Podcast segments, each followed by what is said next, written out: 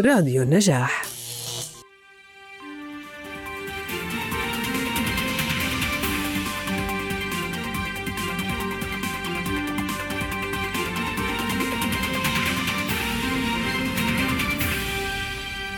أعزائي مشاهدي راديو النجاح أسعد الله مساءكم بكل خير. آه، اليوم بدنا نحكي عن آه، النموذج الديمقراطي الأردني. الواقع واقع هذا النموذج والمأمول لتطوير هذا النموذج. طبعا آه، بفترة تقريبا شهر أو شهرين من اليوم بدأ حراك أو حوار عريض على مستوى الساحة المحلية حول الإصلاح السياسي بعد مقابلة الملك عبد الله الثاني مع وكالة الأنباء بترا اللي حكى فيها إنه يجب أن ننتقل المئوية الثانية بإصلاح سياسي وعام 2021 يجب أن يكون هو آه، عام الإصلاح السياسي.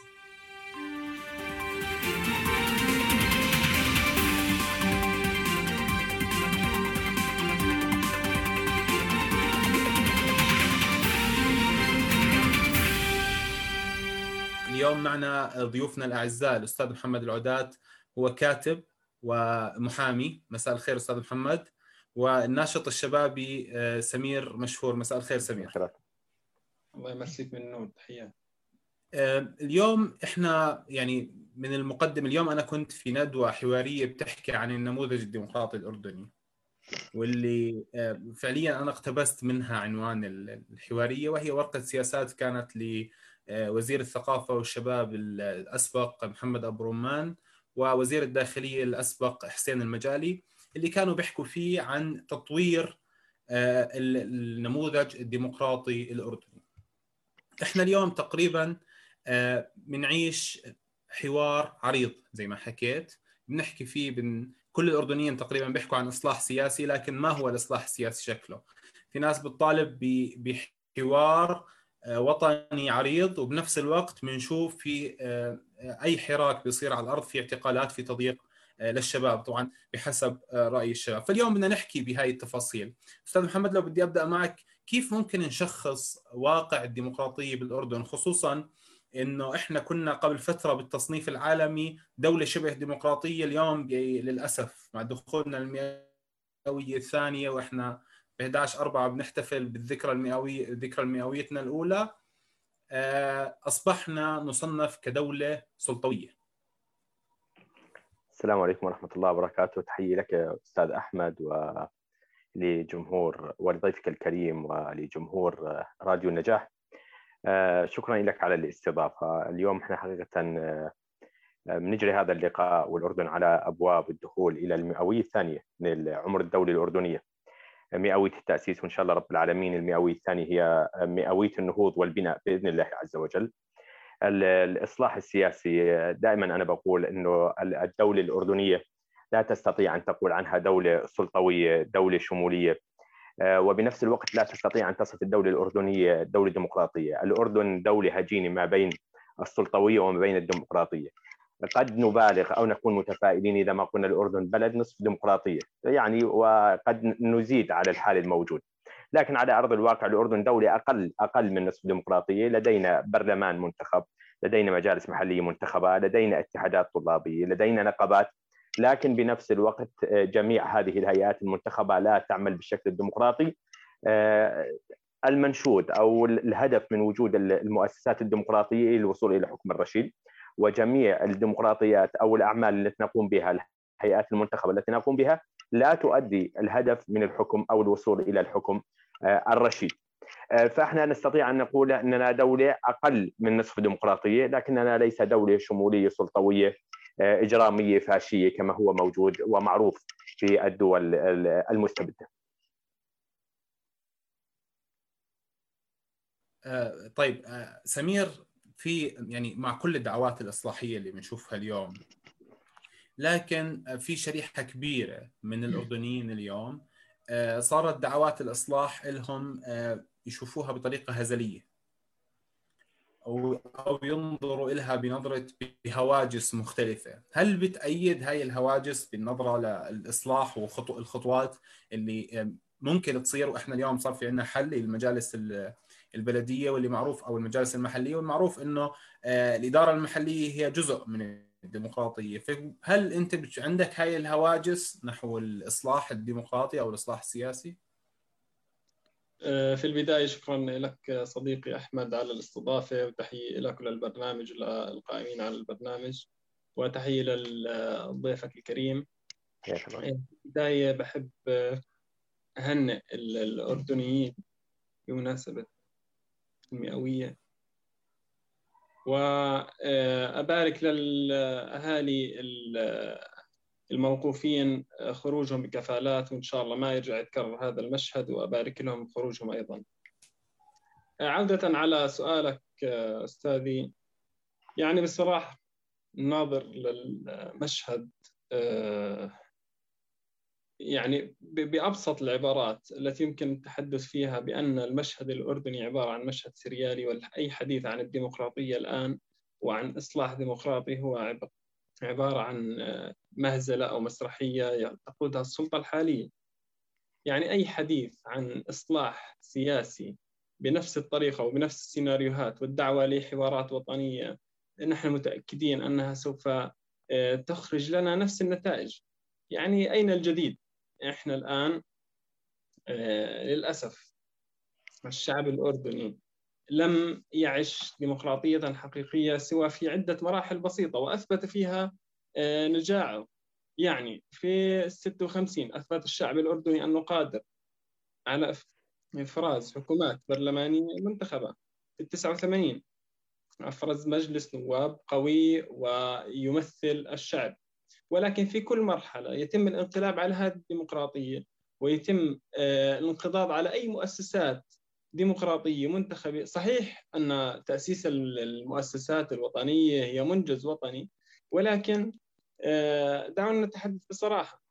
الآن أي حديث عن إصلاح سياسي وكل العمل المنظم من خلال الأحزاب والنقابات واتحادات الطلاب هو عمل محارب يتم التضييق عليه يتم محاربته إما بشكل مباشر من خلال الحل كما حدث مع نقابة المعلمين واتحاد طلبة الأردنية وإيقاف حزب الشراكة والإنقاذ وإما من خلال الأساليب التي نعرفها على أو أو تطويع هذه المؤسسات. فإذا أردنا الحديث عن إصلاح حقيقي الحوار لا يأتي لا يأتي في ظل ظروف قمع وظل ظروف استبداد. نحن الآن يعني لا نتحدث عن استبداد أو ديمقراطية أو ما بين بين. نحن في مرحلة استبداد لكن ممكن نتحدث والله في نحن في مرحلة دنيا من هذا الاستبداد وليس ولسنا في مراحل الدول الفاشية. للأسف الأردني لا يستطيع أن يعبر عن رأيه إعلامه لا يستطيع أن يتحدث بحرية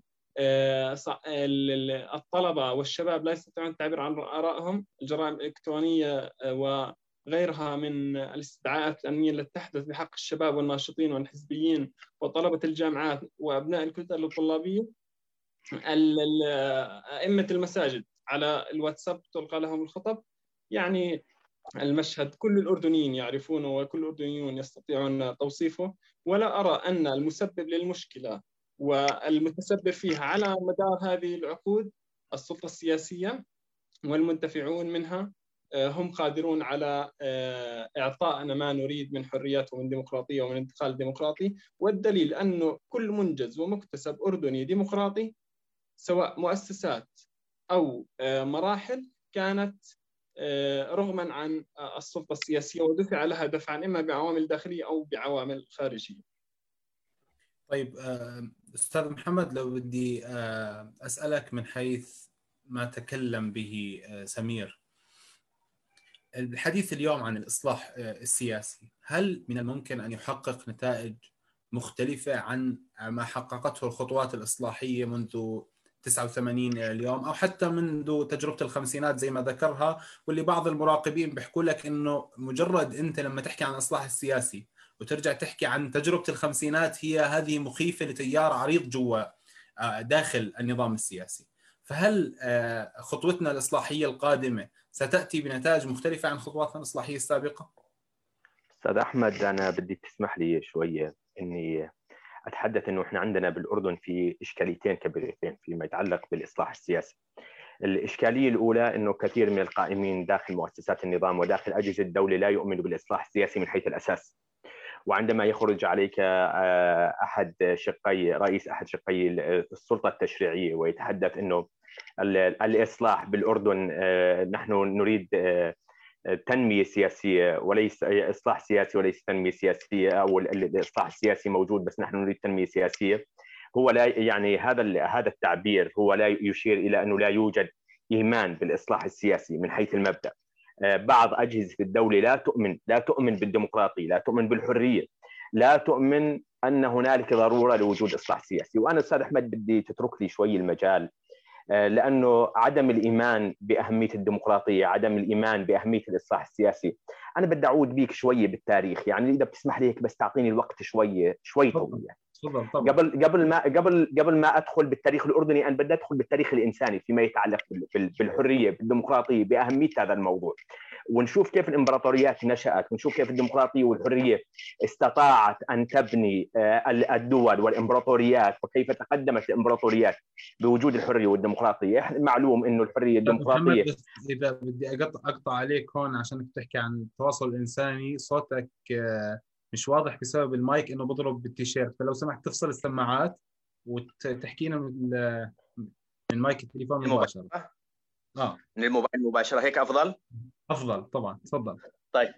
أستاذ أحمد إحنا أول أول من نظر للحرية أول من نظر لحكم الشعب للشعب. آه، الفلاسفة اليونان. آه، يعني ممكن نحن نحكي إنه أول حضارة إنسانية آه، موثقة هي الحضارة اليونانية. أرسطو سقراط أفلاطون الحديث عن حكم الشعب الحديث عن الحرية الحديث عن التشاركية.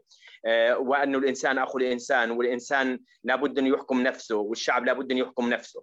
هاي النظريات بقيت في الحضارة والتاريخ اليوناني. ثم بعد ذلك انتقل هذا التاريخ والفلسفة انتقلت إلى الحضارة الرومانية. الرومان هم من حول هذه الأفكار هذه الفلسفات حولوها إلى واقع عملي ثم قامت الإمبراطورية الرومانية. قامت الإمبراطورية الرومانية على إثر الفلسفة اليونانية فلسفة أرسطو سقراط أفلاطون. إحنا مشكلتنا بالدولة الأردنية لا زلنا بعد تتحدث عن آلاف السنين. لا زال البعض غير مؤمن بالحرية ولا مؤمن بالديمقراطية ولا مؤمن بحكم الشعب. ويعتقد إنه الشعب قاصر عن حكم نفسه. لما قامت الدولة الرومانية آه، وقامت على الإرث اليوناني نهضت الدولة الرومانية وأصبحت أكبر إمبراطورية. ومعلوم انه كل الدول وكل الإمبراطوريات لما بتكبر وبتنهض بصير بها حالة من الترف. كيف احتلها الجرمان؟ الجرمان البدو اللي كانوا حراس على آه، الدولة الرومانية. وكيف أنهم قضوا على حكم الشعب وقضوا على الحرية ثم تحالفوا مع رجال الدين. وكيف قضوا على سؤال لماذا؟ وهذا كل كله أضعف الدولة الرومانية. بنفس الوقت كانت هنالك حضارة إسلامية تحرر تعطي للإنسان الحكم لنفسه وتحرر الإنسان وتحرر سؤال لماذا وتطلق الحرية. وكيف استطاعت الدولة الأموية الدولة العباسية أن تنهل من العلوم اليونانية. لكن للأمانة إنه الحضارة الإسلامية استطاعت وطبعا المسلمين كيف أبدعوا المنهج التجريبي. والثقافة التجريبية وكل شيء أصبح عندهم يخضع إلى التجربة، لكن بالحضارة الإسلامية بقي سؤال الحكم أو طريقة الحكم أصبح هذا الفقه فقه ضامر، بقي هذا الفقه فقه ضامر ولم يتطور، لم يتطور على الإطلاق. آه، ورأينا كيف كان الصراع ما بين الفقيه وما بين الحاكم كيف قتل الإمام أبو حنيفة وشج رأسه وقتل كيف قتل الإمام الشافعي بتحريض من السلطة في مصر عليه كيف قتل أو كيف أصيب الإمام مالك بعاهة دائمة وأصبح مصاب بالتبول اللا إرادي بسبب الاضطهاد من قبل الحاكم. كيف الإمام أحمد بن حنبل رحمه الله استطاع إبداع وابتداع موضوع السلطة أو الحاكم المتغلب للتخلص من من اضطهاد الحاكم آه، المستبد. آه، طبعا ثم بعد ذلك آه، انتقلت الحضارة انتقل المنهج التجريبي للغرب أنا أعذرني بس على الإطالة سريعا حتى بس إحنا نفهم نفهم المضمون العام أهمية الديمقراطية. أنت بحاجة إلى أن تعيد إلى المسؤول الأردني. أبجديات أبجديات أهمية الديمقراطية أبجديات أهمية حكم الشعب للشعب. البعض يغيب عنه تماما. البعض يرى الشعب شعب قاصر. لا يستحق أن يحكم نفسه والبعض يرى أنه يمكن أن نقوم بنهضة ويمكن أن نبني الدول دون أن يكون هنالك ديمقراطية. كيف استطاع هذه العلوم أن ينقلها الغرب الغرب عن المسلمين؟ وكيف استطاع وكيف جاءت الثورة الفرنسية التي غيرت وجه أوروبا كامل إلى يومنا الحاضر؟ ونحن لا زلنا في الشرق ولا زلنا في الأردن. عاجزين عاجزين كل العجز. والبعض وصناع القرار يرفض ويرى أن لا حاجة إلى الديمقراطية بالمفهوم والنموذج الغربي الموجود حاليا ويعتقد أن يمكن للدولة الاردنيه يمكن للدولة الأردنية أن تنهض دون أن يكون هناك حكم للشعب للشعب. البعض الآن يحدثنا عن إصلاح إداري، البعض يحدثنا والبعض يشخص الحالة الأردنية بأن هنالك مشكلة اقتصادية وأن مزيد من المنح الخارجية ومزيد من المستثمرين يمكن أن تنهض بالأردن، مشكلة الأردن مشكلة سياسية ليس مشكلة اقتصادية. فلذلك الحل هو من الإصلاح السياسي. وعندما أشار جلالة الملك الحل من الإصلاح السياسي وأشار إلى ضرورة تعديل التشريعات الناظمة للحياة السياسية هو حقيقة وضع يده على الجرح. مشكلة الأردن حل مشكلة الأردن يبدأ من الإصلاح السياسي والإصلاح السياسي أبو الإصلاح. إذا دخلنا إلى الإصلاح السياسي وصلنا إلى حكم الشعب للشعب وصلنا إلى الحكم الرشيد ما بعده سيكون. أستاذ محمد أنت ميوت بس آخر كلمة حكيتها ما سمعناها. تفضل أستاذ أحمد. لا صوتك راح بقول لك آخر كلمة حكيتها ما سمعناها.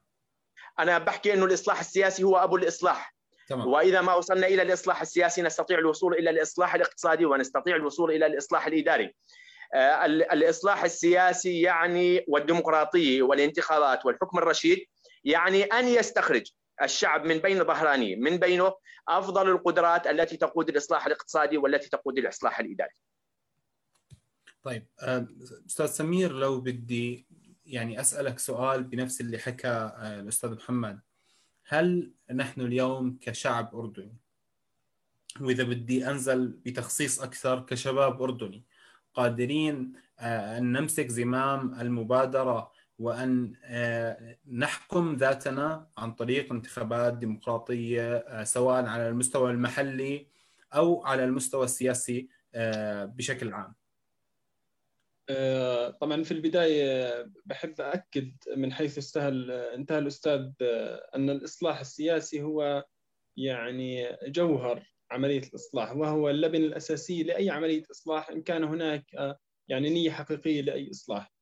آه، الشباب والمرأة وغيرهم من فئات المجتمع هم بالأخير جزء من المجتمع والمكون الأردني آه، وأنا برأيي الحديث آه، أنه نحكي الشباب فقط هل هم قادرين ولا مش قادرين؟ نفس السؤال يطرح هل المرأة قادرة ولا مش قادرة؟ والشعب الأردني هل, هل هو قادر ولا مش قادر؟ الجواب فعليا يعني حسب اعتقادي إنه الشعب الأردني وأي شعب في العالم هو قادر على أن يحكم نفسه بنفسه. هو قادر على أن آه، يصحح الأخطاء التي يمر فيها من خلال التجربة والخطأ واختيار آه، الناس الذين يمثلونه ومحاسبتهم من اخطاوا لكن آه، يعني الشباب الأردني لم يتح له المجال أصلا أو حتى الشعب الأردني بكامل لم يتح له المجال حتى يجرب على مدار المئة عام إلا في بعض سنوات كما يعني ذكرنا وذكر الكثيرون من قبلنا. آه، أنت عندما تتحدث إنه طبعا يعني السؤال دائما اللي يلقى على كاهل الشعب وعلى كاهل الشباب هل إنه لو أتحنا لكم انتخابات نيابية وديمقراطيه حقيقية. هل والله راح يختار الشباب واحد من غير عشيرته ولا من غير منطقته؟ هل الشعب مهيأ؟ والمزيد من الأسئلة الخبيثة. آه، طيب نرجع شوي لوراء من الذي فتت الشعب؟ من الذي يعني أدخل هاي القيم السيئة العنصرية والمناطقية والعشائريه السلبية وليس المفهوم الاجتماعي الإيجابي؟ آه، السلطه السياسية على مدار التاريخ. يعني طيب سمير اسمح لي إني أدخل معك هنا بدور آه، محامي الغائب. آه، طيب بس إحنا شايفين آه، بكثير نماذج من داخل الأردن إنه رؤية سمير للديمقراطية مختلفة عن رؤية الأستاذ محمد للديمقراطية أو رؤية أحمد للديمقراطية. كل حدا بيطلع للديمقراطية من زاوية. فهل التيار المدني الأردني الذي يتبنى التيار المدني أو الليبرالي ينظر للديمقراطية كما ينظر لها الأردني الإخواني أو الإسلامي هذه التضاربات داخل حتى داخل الثقافة الشعبية هل من الممكن إنها تؤدي لخطوات لقدام في طريق الإصلاح ولا. راح تكون عائق وهذا رأي الكثيرين إنه يعني هاي كل واحد الزوايا النظر هاي هي راح تكون عائق أمام الإصلاح. طبعا أصلا زوايا النظر هاي هي تحديدا في صلب الديمقراطية تعددية هي من مبادئ الديمقراطية. ال ال ال الاختلافات شيء طبيعي وجهات النظر شيء طبيعي وهو الشيء الإيجابي. في بريطانيا تعين المعارضة كما ذكر أستاذنا يعني من قبل الأستاذ حسن براري وغيره. ال ال الوضع السياسي يحتم عليك الآن إنك أنت تفتح المجال للديمقراطية الحقيقية، لما تيجي تحكي والله ديمقراطية ليبرالية ولا إخوانية ولا آه، بغض النظر في مبادئ عامة تتفق عليها الإنسانية جمعاء للديمقراطية، الحرية، العدالة آه، وغيرها من المبادئ المتفق عليها. إحنا هاي المبادئ لم تتوفر، لم يتح الليبرالي والإخواني آه، طبعا اتحدث عن الشعب وليس عن المتحالفين مع السلطه السياسيه والمنغمسين في لعبة المصالح معهم. آه، هل التيار الوطني وغيره من التيارات هل يعني جربت آه، أن يتاح لها المجال إنها تتنظم؟ لم يحدث هذا. في الجامعات يعني بدي أعقب على نقطة ذكرها الأستاذ محمد. صحيح أن بعض الاتحادات في الجامعات بس من أكثر من 30 جامعة حكومية وخاصة عندي الآن عدد كبير جدا ما فيهوش اتحادات ولا جمعيات ولا مجالس طلبة. وحتى اللي فيهم اللي فيهم ما في في جزء كبير منهم انتخابات. طب أنا إذا ما أتحت للأردني أن ينظم نفسه ويتجمع آه، ويجمع نفسه مع من يشبهه في البرامج والأفكار كيف سيف آه، راح يتجمع؟ كيف راح يغير؟ فأنا فعليا آه، أستاذ أحمد الحديث والواقع أنه أنا الشباب والشعب طول 100 سنة ما جرب. ما أعطيناه فرصة. يا عمي خليه يجرب. جربناك ووصلنا وصلتونا مديونيات ودخلتونا آه، في, في, في اتفاقيات آه، يعني مذلة مع الأمريكان والصهاينة وغيرهم. خلونا إحنا نجرب نحكم بلادنا. خلي الشعب يحكم بلاده. خلي الشعب يدير موارده خلي الشعب يحاسب نفسه إن أخطأ. هذا كله على مدار 100 سنة لم يحدث. لم يحدث. تجربة ديمقراطية واحدة. أربع شهور والله عشانهم قوميين ولا عشانهم بغض النظر إيش ال ال ال وفي ال 89 بحل المجلس والله عشان أجيب قانون صوت واحد وأمرق ال ال المعاهدة. وغيره وغيراته بحل المجالس النيابية وقت ما بدي بحل اتحادات طلب وقت ما بدي بحل النقابات وقت ما بدي. وهاي منجزات شعب تعب عليها و... أما يعني يعني اي أي حديث أو لوم للشعب في ظل هاي الظروف هو صراحة يعني شيء مشين وغير مقبول من أي حدا من الغائبين آه، الذي يتحدث باسمه. طيب أستاذ محمد لو بدنا نتجاوز مرحلة التشخيص واللي كمان اليوم في الحوارية اللي ذكرتها في بداية حديثي آه، حكى الدكتور محمد أبو رمان أن إنه أغلب الأردنيين بيقول لك إحنا متفقين بالتشخيص لكن مختلفين بالحلول، لكن الدكتور أبو رمان رأى أن هناك اختلاف أصلا بالتشخيص. إنه كل آه، شخص يشخص من زاويته أيضا. لكن لو بدنا نتجاوز التشخيص إيش هي برأيك؟ حدود عشان ما نكون كمان آه، أن لا نرتطم بصخرة الواقع. إيش هي حدود الإصلاح السياسي اللي ممكن ان نتقدم له خلال الفترة الحالية وما نحلم كثير يعني على الأقل على المستوى الفترة القريبة؟ أستاذ أحمد أنا فيما يتعلق بالتشخيص حقيقة هناك اختلاف وتعدد. زوايا النظر إلى إلى إلى الحل السياسي. آه، خلينا شوية آه، نتحدث عن التشخيص وكيف الإيديولوجيات كيف شخصت حالة التخلف في النهوض وتقدم الأمة. مثلا الانظمه الأنظمة الوطنية اللي جاءت ما بعد الاستعمار كانت تعتقد إنها وصية على هذه الدول وأنه الثورات التي قامت بها والنضال في وجه المستعمر. اللي قاموا فيه إنهم بيستحقوا إنهم يبقوا بالسلطة وإنهم الاوصياء على الحكم.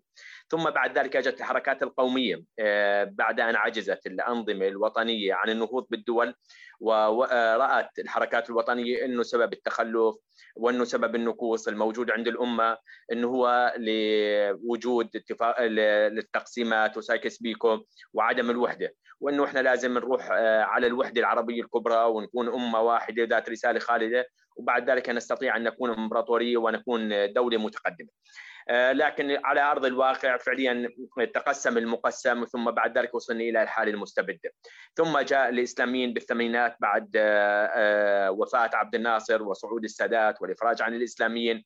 ثم كان الإسلاميين نظرتهم إنه الإسلام هو الحل وإنه إحنا حتى نستطيع أن ننهض لابد إنه نعود إلى قواعد الإسلام مع إنه الإسلام أو التاريخ أو, أو وأصبحوا يفكروا باسترجاع نموذج الحكم الإمبراطوري السابق مع إنه التاريخ يقرأ للاستفادة منه وليس لاحيائه ثم وصلنا بعد الربيع العربي إلى قناعة إنه نظرية الإسلاميين في الحكم غير قابل للتطبيق وإنه نظرية الإسلاميين في الحكم هي نظرية طوبويه حالمة غير موجودة على أرض الواقع، ثم الآن يطرح النظريه السياسيه إنه الخروج وهو التوصيف الآن اللي يطرح من الشباب والحديث والحوارية الآن نتحدث بها تدور في هذا الموضوع إنه إحنا مش بحاجة إن نعود ونصنع العجلة من جديد. إحنا ليس استثناء من البشر والعلوم السياسية هي علوم تراكمية مثلها مثل أي علوم موجودة بالدنيا. لا تستطيع لا يمكن أن تعيد صناعة العجلة من البداية. فلذلك يجب علينا أن ننطلق آه، من حيث وصلت إليه البشرية، الآن الحكم الرشيد، حكم الشعب للشعب، حكم المؤسسات، الفصل بين السلطات، هو النموذج اللي استطاع أن يحقق الاستقرار السياسي والاستقرار السياسي استطاع أن يحقق الاستقرار الاقتصادي والإداري ثم تنهض الدول واستطعنا ووجدنا كيف بعض الدول البسيطة والصغيرة كيف أصبحت دول بحجم إمبراطوريات وكيف دول كبيرة جغرافيا وإمكانيات ثم أصبحت دول فاشلة لعدم وجود الحرية والديمقراطية. آه، الشيء المأمول الشيء الذي يمكن الديمقراطية يا أخي هي كل متكامل تستطيع أن تسميها نوتة موسيقية نغم قطعة موسيقية واحدة لا تستطيع أن تجتزئ منها شيء ثم أنه أنت تطبق شيء وتغفل عن شيء. من لا يأخذ الديمقراطية بكلها لا يستطيع أن ينجح والنماذج الديمقراطية نماذج متعددة مختلفة. لا يوجد نموذج واحد يمكن أو وصفة واحدة يمكن أن تقول أن تسير عليها البشرية أو انه ممكن الأردن يستنسخها. كل تجربة يمكن تطبيقها لازم لكن لابد من تطبيق المبادئ الأساسية للديمقراطية. المبادئ الأساسية للديمقراطية هو أن يحكم الشعب نفسه وأن يكون هناك في قواعد عامة بتحكي إنه غرم غرم السلطة غنم السلطة بغرم المسؤولية. من يريد أن يتصدر المشهد يجب عليه أن يكون مسؤول. أما أن يكون هناك غنم للسلطة دون أن يكون هناك غرم للمسؤولية هنا تكون الإشكالية. الشيء المأمول الشيء الذي يمكن الأخذ به الشيء الذي يمكن تطبيقه هو أن يحكم الشعب نفسه. مثلا خلينا ندخل إحنا ندخل بالتفاصيل. إحنا عندنا إشكالية بالأردن عندنا آه، وفي معظم وفي معظم الدول أيضا التي تنتخب حتى الدول التي يكون لديها برلمان قوي ولا يكون لديها حكومة برلمانية هي تقع في إشكالية ويصبح آه، ويصبح السلطة أو الدولة مؤسسات الدولة وتصبح وكأنها آه، عربة تشد باتجاهين مختلفين من قوتين مختلفات. فلذلك تبقى العربة بالوسط إذا لم تتحطم يعني. لذلك حتى إحنا نكون أمام شيء يمكن تطبيقه لابد من الوصول إلى الحكومة البرلمانية، الحكومة البرلمانية يحتاج انتخابات برلمانية تمثل الشعب. حتى إحنا بالأردن مثلا حتى نقول إننا نصل إلى حكومة برلمان يمثل الشعب. ما بتحكي لي البرلمان الموجود بالأردن هو برلمان يمثل الشعب؟ أنت حط القانون الانتخابي القانون الانتخابي هو يحدد الفرز ويحدد شكل البرلمان قبل أن تذهب إلى صناديق الانتخاب. لا يعني التزوير التزوير المباشر أن تعبث بالصندوق أو أن تعبث بالتجميعات. مجرد وجود قانون انتخابي غير سليم آه، أنت تحدد تحدد نتائج الانتخابات قبل أن تذهب الناس إلى الصناديق. مثلا بالأردن خلينا أحكي لك مثال أو مشروع ممكن تطبيقه. المعايير الانتخابية. إلى النظم الانتخابية لها ثلاث معايير. المعيار الأول معيار التنمية. المعيار الثاني معيار الجغرافيا المعيار الثالث معيار الديمقراطيا إذا ما وضعنا قانون انتخابي يقوم على هذه المعايير الثلاثة نستطيع أن نقول أننا وضعنا أقدامنا على بداية الطريق. مثلا عندنا بالأردن نستطيع مثلا أن نسن قانون انتخاب به 120 نائب. نقسم العدد إلى ثلاث أثلاث. الثلث الأول ثلث يخصص إلى المناطق أو الثلث يخصص إلى التنمية. ويمكن تخصيصه إلى مناطق الأطراف المهمشة المهشمة الأكثر فقر جيوب الفقر كلها في مناطق الأطراف. وفي كلمة تقال أن الأردن عمان الاقتصاد آه، الخدمات الصحة كل شيء في عمان والتهميش في مناطق الأطراف. وكل ما ابتعدت عن المركز كل ما زاد الفقر والجوع والبطالة والتهميش والج... وكل شيء. فأنت بحاجة إلى أنك تخصص ثلث من أعضاء مجلس النواب إلى التنمية. هاي التنمية وتنتخب حسب قانون بسموه القانون الفردي أو قانون الصوت الواحد. ثم بعد ذلك لابد من مراعاة الجغرافيا. الأردن بلد ممتد جغرافيا ويوجد بها اختلال بالتوزيع السكاني. فلا بد أنك تخصص أيضا 40 مقعد مثلا. وعلى سبيل المثال أنا بتحدث 40 مقعد للتوزيع الجغرافي وتقسم هذه المقاعد على أرض المملكة بالتساوي. حتى تأخذ بالبعد الجغرافي. وهذه المقاعد يمكن أن تكون وفق قانون النسبيه المفتوح المطبق حاليا ولكن يجب حصره فقط بالأحزاب بحيث تكون الأحزاب هي المدخل الرئيسي لممارسة العمل السياسي. لأن بعد ذلك راح نتحدث عن الحكومة البرلمانية. وبعد ذلك تستطيع أن تقسم الثلث الثالث إلى الدائرة الوطنية وهي القائمة النسبية المطلقة المغلقة عفوا القائمة النسبية المغلقة من أجل الحصول على الكفاءات الحزبية والكفاءات الوطنية على مستوى الوطن. من لا يوجد له ظهير عشائري من لا يوجد له ظهير شعبي من لا يوجد تستطيع القائمة المغلقة. على مستوى الوطن تستطيع أن أن تصعده ويكون بوابته الأحزاب. فإذا أنت هون بتصير اسمح لي أقاطعك هون لأني راح أرجع لك بسؤال تحكي فيه بشكل أوسع عن هاي النقطة بالذات آه، وأختم معك فيه. لكن خليني آه، أروح لسمير. سمير برأيك آه، ما الذي من الممكن عمله في هذه الفترة حتى لا نكرر تجارب الماضي اللي أنت حكيت إنه هي تجارب كانت قصيرة جدا تجارب ديمقراطية؟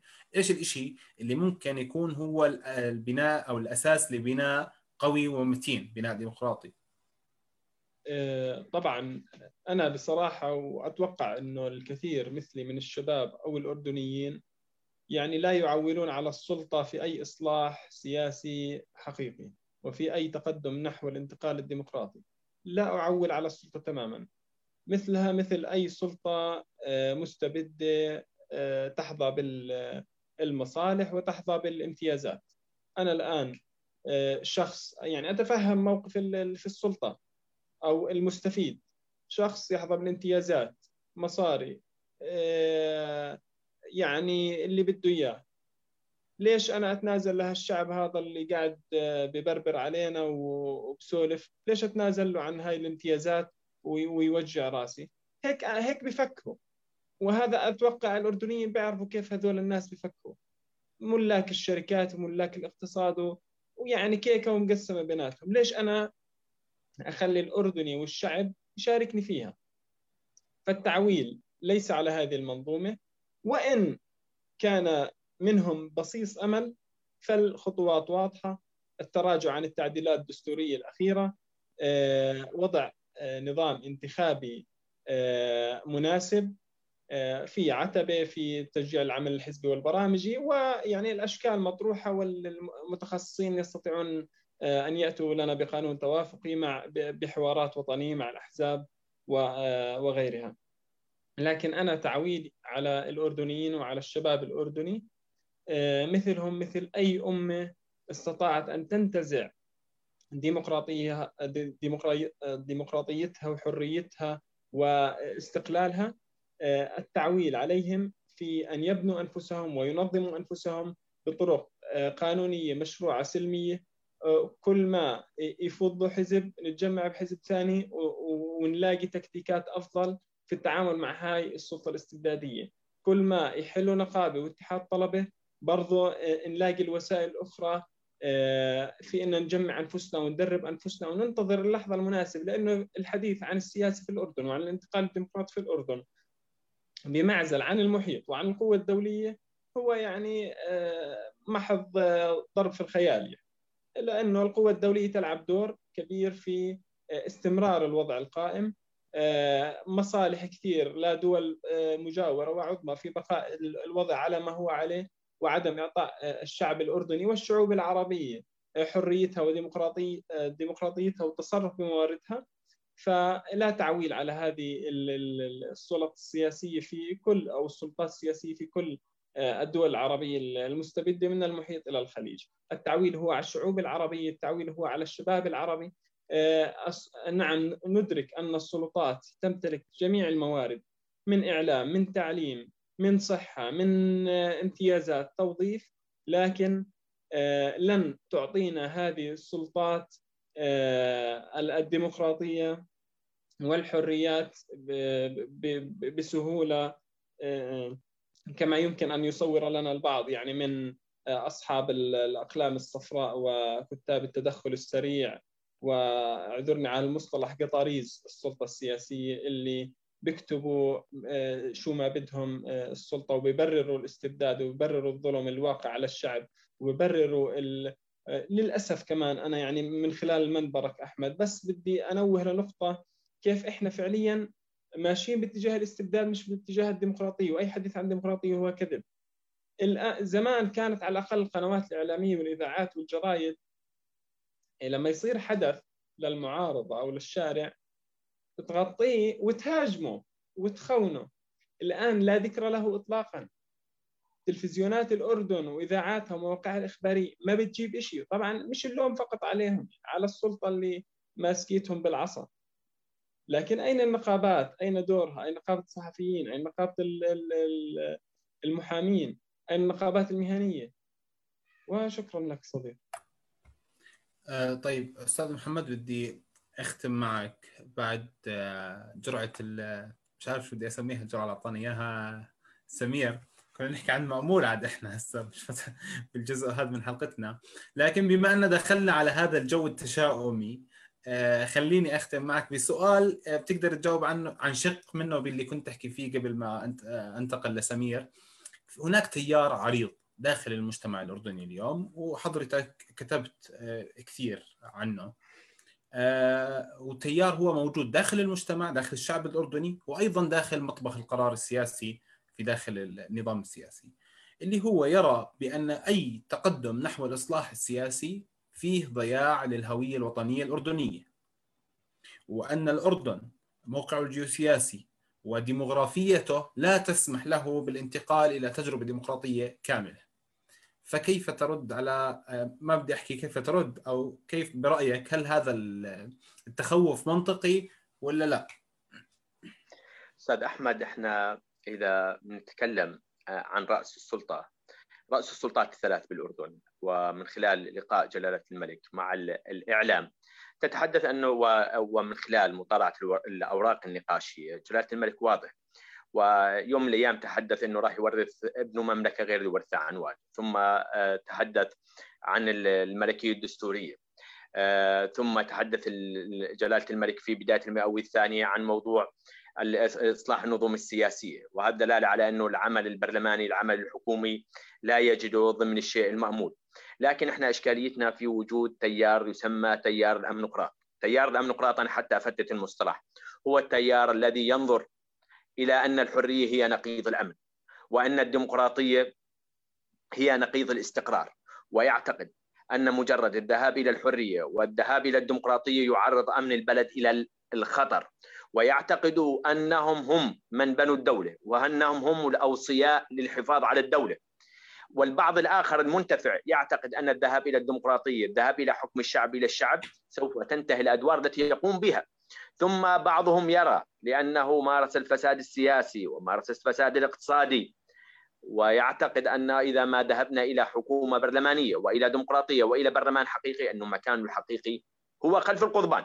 فلذلك يا أستاذ أحمد هؤلاء لا يرتجى لا يرتجى منهم أن يكونوا جزء من عملية الإصلاح السياسي، هؤلاء من يضعوا العصا في دواليب من يريد الإصلاح وهؤلاء يحاولوا محمد أنا أنا بحكي لك عن فئة موجودة داخل المجتمع وليس داخل فقط داخل النظام. فهل بتقدر تحيد هذه الفئة وتقول ما بدنا إياهم لأنهم معيقين وتكمل بدونهم؟ شوف أستاذ أحمد إحنا أنا وأنت بنعرف إنه الثقافة الديمقراطية في الأردن وأهمية الديمقراطية وأهمية الحرية وأهمية حكم الشعب للشعب وإن كانت هذه الثقافة بدأت تتفشى. بدأت تتفشى بعد الربيع العربي. لكن نحن نجد التيارات اليسارية مع احترامي إلى الأصدقاء من التيارات اليسارية لا يؤمن بالديمقراطية. وقد يؤمن بالديمقراطية ما لم يعني ما دام هاي الديمقراطية ما بتجيش بالإسلاميين.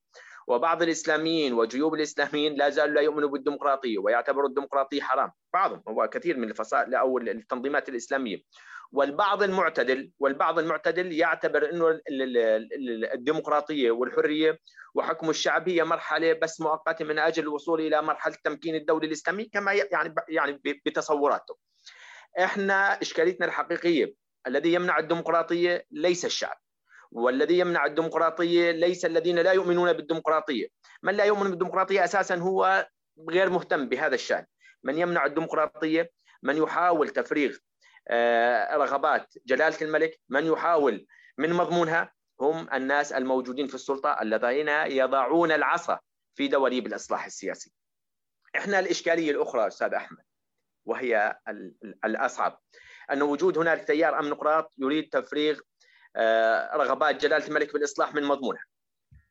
وهنالك أيضا غياب النظرية السياسية لشكل الدولة ومستقبل السياسي المنظور من قبل القوى المعارضة.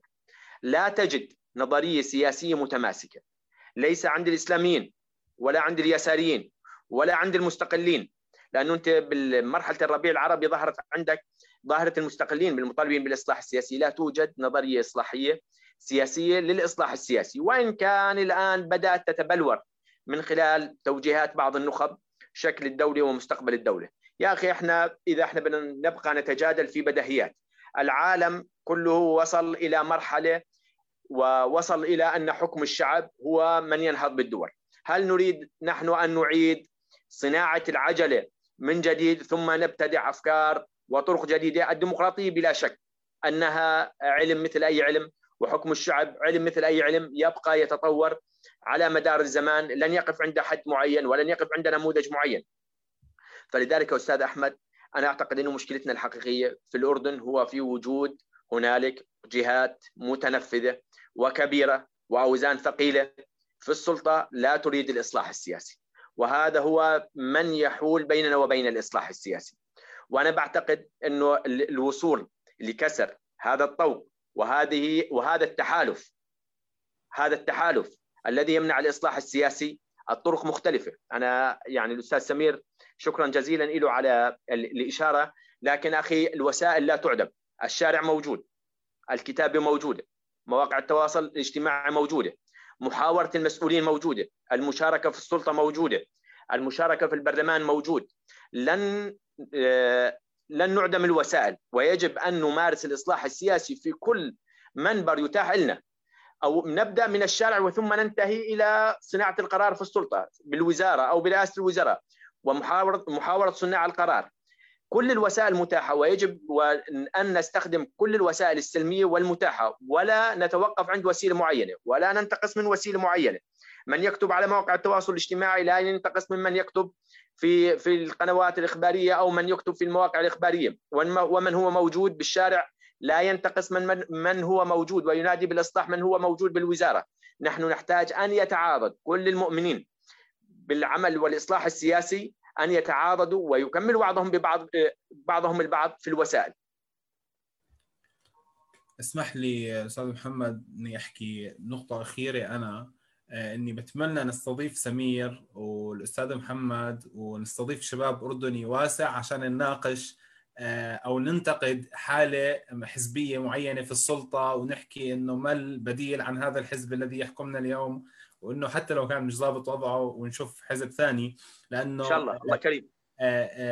تحرير راديو النجاح قائم على فكرة نشر الثقافة الديمقراطية. فإحنا بنتمنى أن يأتي علينا هذا اليوم وأن لا يكون بعيدا حتى نناقش مساوئ هذا الحزب ومحاسن حزب آخر. اسمحوا لي أعزائي المشاهدين أن أشكر باسمكم جميعا الاستاذ محمد العودات الكاتب والمحامي شكرا الذي كان معنا من الكويت. يعطيك العافية أستاذ محمد وشرفتنا. الله يعافيك. شكرا لك والأستاذ سمير مشهور شكرا لكم جميعا وإلى اللقاء في حوارنا المقبل. كنت معكم أحمد دقبا يعطيكم العافية. لك يعطيك العافية.